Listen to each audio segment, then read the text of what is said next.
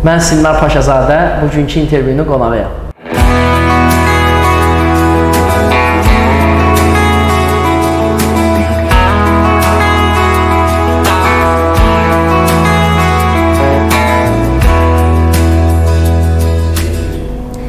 Think Fact intervyusunun birinci bölümünə xoş gəlmisiniz. Xoş gəlmisiniz Sinar bəy. Bizim sizin haqqınızda məlumatımız var. Siz zəhmət olmasa izləyicilərimizə özünüz haqqında məlumat verə bilərsinizmi? Mhm. Birincisi dəvətə görə mən də öz təşəkkürümü bildirirəm.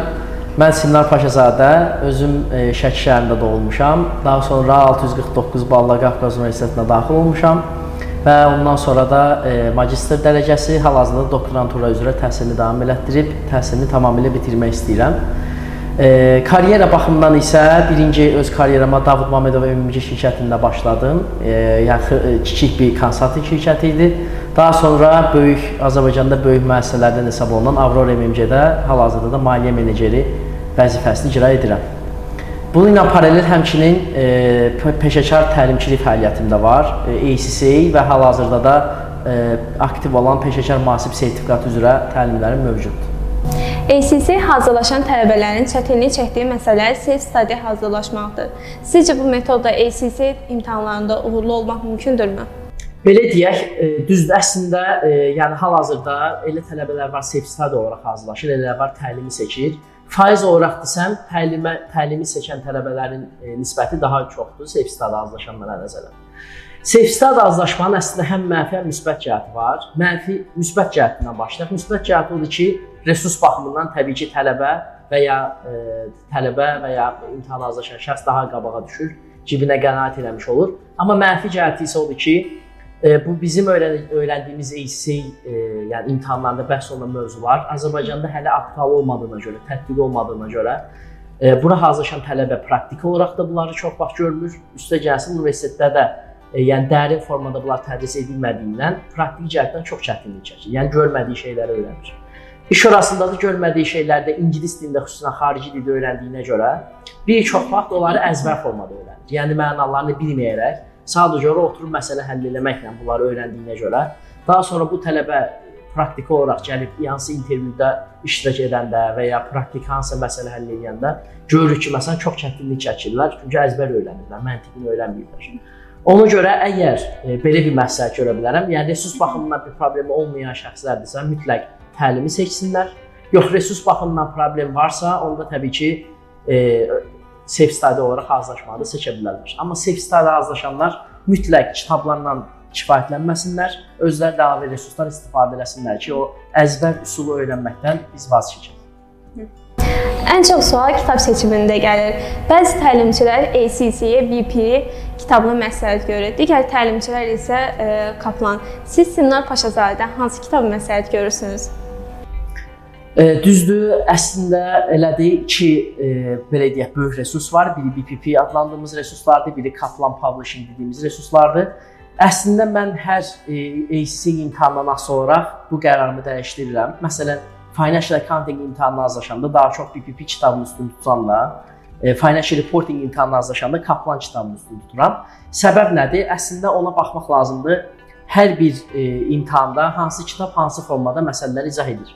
Əgər praktiki bir şeydən bəhs olunursa, məsələn reporting, yəni hesabatlıq mövzusunda təbii ki, biz teorik olaraq yox, məsələ olaraq görməliyik oradakı e, izah olunan hissələri. Kaplanın məsələn yazış tərzi necədir? Müəyyən bir qismi izah edir, ondan sonra mütləq məsələ verir. Və məsələni eləyən tələbə artıq teorik cəhətdən nə danışılmışdırsa, dərhal başa düşür ki, bundan nə məsələ gələ bilər. Amma PPP-də məsələn o yöndə bir kasadlıq var. Yəni nisbətən dizayn baxımından problemlilik mən görürəm. Ona görə Kaplanı F7-də, yəni financial reporting üstün tuturam. Amma e, financial accounting və financial reporting imtahanları xaric digər e, imtahanlarda əslində BPV və Kaplan arasında o qədər də ciddi bir fərq yoxdur. Ona görə mən həmişə tələbələrə məsləhət görürəm. Oxum, yəni study olaraq, yəni oxumaq e, üzrə baxsaq, BPV və ya Kaplan olaraq hansısa birini seçir, seçsin, onsuz da bir-birinə yaxındır. Amma revision məsələ həllində mütləq hər ikisini işləmək lazımdır. Ona görə study dediyimiz hissədə yalnız bir kitab hansı istəyir olsun fərqi yoxdur. Amma revision məsələ həllində ikisini də mütləq işləsinlər. Bu daha arzu olunan bir yoldur. Maliyyə populyar sahə olduğu üçün bura daha çox tələbat var. Sizcə bu sahədə uğurlu karyera əldə etmək üçün nələr etməliyik? Belə deyək, uğurlu karyera üçün birincisi e, dediyimiz bu sertifikasiya imtahanlarından keçməlidirlər tələbələr. Yəni ancaq universitet imtahanları ilə kifayətlənməsinlər. E, düzdür, mən əslində indi o, o hissədən də mütləq danışarıq. Yəni sertifikasiyaların, məsələn, xüsusən EYS-in universitet vaxtından verilməyi yaxşıdırmı yoxsa yox? İndi onu daha detallı növbəti sualımızda bəhs eləyərik, amma e, belə deyək, sertifikasiyalardan geri qalmasınlar, çünki hal-hazırda bazar onu tələb eləyir, mütləq ixtisaslaşma tələb eləyir. Həmişə öz üzərində işləsinlər, bu tərəfdə inkişaf eləsinlər. İkincisi isə doğru bir şirkətin seçilməyidir. Əgər siz maliyyə yönümlü, yəni vergi yönümlü deməyək, maliyyə yönümlü, maliyyə analitiki, sabahsı gün şirkətin baş maliyyə inzibatçısı, baş icraçı direktor olmaq istəyirsə, onda vergi yönümlü e, öhdəlikləri olan şirkətlərdən qaçmalıyıq. Yəni məsələn, harda sizə deyilirsə ki, ƏDV bəyannaməsi yığacaqsınız, statistik hesabatlar yığacaqsınız. Yəni e, iş öhdəlikləriniz bunlardan ibarətdirsə və siz vergi yönümlü inkişaf eləmək istəmirsinizsə, onda bunları qırağa qoyacaqsınız. Harda ki, məsələn, maliyyə hesabatlarının tərtibatı, maliyyə hesabatlarının analizi, pul vəsaitlərinin hesabatının hazırlanması, onun analizi və büdcə hazırlanması, bu tipli vakansiyalar olan şirkətlər təbii ki, daha uyğundur sizə maliyyə sahəsində karyeranızı inkişaf etdirmək üçün. Və e, ən önəmlisi də təbii ki, şirkət seçimidir çalışmaq lazımdır ki, e, yəni baxsınlar görək həmin şirkətin bu sahədə təcrübəsi nə yerdədir, yeniliklər tətbiq edən bir şirkətdirmi, yoxsa tipik e, məsələn keçmiş idarəçisi olan bir şirkətdirmi, hansı hansı ki investisiyalar meyilli deyil. Ona görə bu faktorda mütləq şirkət seçimi də çox önəmli məsələlərdən biridir. Azərbaycanda mühasib vakansiyaları investisiya vakansiyalarından üstünlük təşkil edir. Sizcə mühasib vakansiyaları nisbətən çox olma səbəbi nədir? investisiya sahəsi ilə maraqlananlara nə məsləhət görürsünüz? Əslində mühasibatlıq və investisiya vakansiyalarından danışdıqsa, e, bunları gəlib bu formada analiz edək. E, mühasibatlıq daha çox keçmiş məlumatların uçotunun aparılması, yönümlü işlərin görülməsidir. İnvestisiya isə gələcək məlumatlara əsaslanaraq hansı müəssisələrə biz pul qoyuluşları edək, yoxsa yox bu yönümlü e, bir proseslərdir belə deyək. Mühasibatlığın daha çox inkişaf etməsinin səbəbi budur ki, xüsusilə də vergi mühasibatlığı Azərbaycanda daha çox inkişaf edib. Çünki bütün şirkətlər bəllidir ki, vergiyə müəyyən hesabatlar təqdim etməlidir və bu məcburidir. Maliyyə uçotunu da əslində aparmaq şirkətlər üçün məcburidir, amma bizim ölkədə hal-hazırda o səviyyədə bir tələb e, yoxdur ki, sənin maliyyə uçotun vergi uçotu qədər dəqiq olmalıdır, çünki yoxlama mexanizması yoxdur. Halbuki əslində maliyyə uçotunun faydası şirkətin vergi uçotundan daha çoxdur çünki e, həmin maliyyə uçotunda e, deməli investorlar şirkətin real rəqəmlərini görürlər, ədalətli uçotunu görürlər.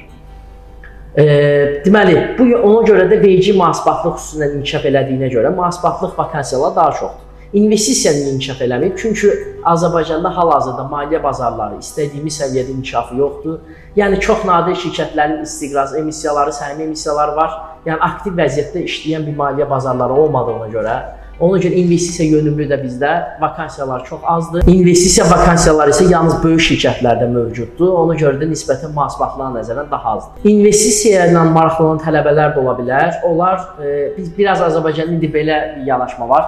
Harda investisiya vakansiyası varsa, CFA adlanan sertifikat tələb olunur. Amma iş orasındadır. İşə baxsan CFA sertifikatına bir əlaqəsi yoxdur. Yəni orada öyrəndiklərinin heç 5% belə həmin işdə tətbiq olunmur. Amma yenə də, yəni belə deyək də, bəzən elə lazım olur ki, sən ayaq uydurmalısan tələblərə. E, əgər iş yerindən tələblər CFA tələb edirsə, hansı ki, tendensiya o yöndədir, o tipli tələbələr onda CFA sertifikatını versələr daha yaxşı olar. Amma iş orasında da tələbə olub CFA sertifikatlarının maliyyəti də çünki çox yüksəkdir. Biraz o təbii ki, tələblər üçün çox ağır ola bilər. Bizə tələbələr ingilis dilində çətinlik çəkdiyi barədə yazırlar. Biz bilirik ki, sizin yaxşı ingilis dili aksentiniz var. Siz yaxşı ingilis dili üçün hansı metodları məsləhət görürsünüz? E, belə deyim, e, mən həmişə onu öz tələbələrimə də deyirəm. Yəni bu sahədə ümumiyyətlə e, indiki yaşadığımız ildə biz inkişaf eləmək istəyiriksə, ingilis dilsiz inkişaf eləmək qeyri-mümkündür. Əvvəllər rus dili bazası çox böyük idi, razıyam, amma maliyyə, IT sahələrində xüsusilə biz inkişaf eləmək istəyiriksə, yəni bu inkişaf ancaq ingilis dilli ölkələrdədir. Ona görə ingilis dili olmadan, yəni biz bu sahədə inkişaf eləyə bilmərik, heç bir xəbəri başa düşə bilmərik, yeni standartları oxuya bilmərik. Adi bizim öyrəndiyimiz beynəlxalq maliyyə hesabatları standartları da adı üstündə ingilis dilindədir. Ona görə mütləq şəkildə ingilis dili, yəni bizim ikinci dilimiz olmalıdır. Hətta ana dilinə yaxın səviyyədə biz onu bilməliyik. Onu bilmək üçün də yeganə yol onu həyat tərzimizə çevirməkdən irəli gəlir. Məsələn, mənim ingilis dilim e, bu səviyyə çatmağındakı əsl əsas səbəb odur ki, mən hansısa ilin onun üzərində xüsusi işləməmişəm, amma orta məktəb vaxtlarından etibarən daima işləmişəm. Ona görə bir şeyi həmişə məqsəd qoyanda, yəni bir gün, iki gün eləməkdənsə mən davamlı eləməyi daha çox tərəfdarıyam. Az eləyək, amma hər gün eləyək. Ona görə müəyyən həyat tərzimizə çevirsək onu, bu nə deməkdir? Məsələn, xəbərlərə biz artıq ingilis dilində baxa bilərik. Kinolar mı baxırsınız? Kinolara ingilis dilində baxmaq lazımdır. Hardasa məqalə mi oxuyursunuz? Girin ingilis dilində oxuyun. Xəbərlərə mi baxırsınız? Girin ingilis dilində baxın. Yəni bunu həyat tərzlərinə çevirsələr, onda ingilis dili ilə də aramız düzələr. Maliyyə xəbərlərini xüsusilə girin, məsələn, ingilis dilində oxuyun. Bunlar təbii ki, inkişaf elətdirəcək ingilis dilini. Ölkədə sertifikasiyaların çox olması yaxşıdır. Lakin problem tələbələrin iş tapmaqda çətinlik çəkməsidir. Hətta elə insanlar görürük ki, e, sertifikatları var, amma bilikləri yetərincə deyil. Sizcə bunun səbəbi nədir? Belə deyək, e, inkişaf etməkdə ölkələr, inkişaf etməkdə olan ölkələrdə əslində belə tipli problemlər var.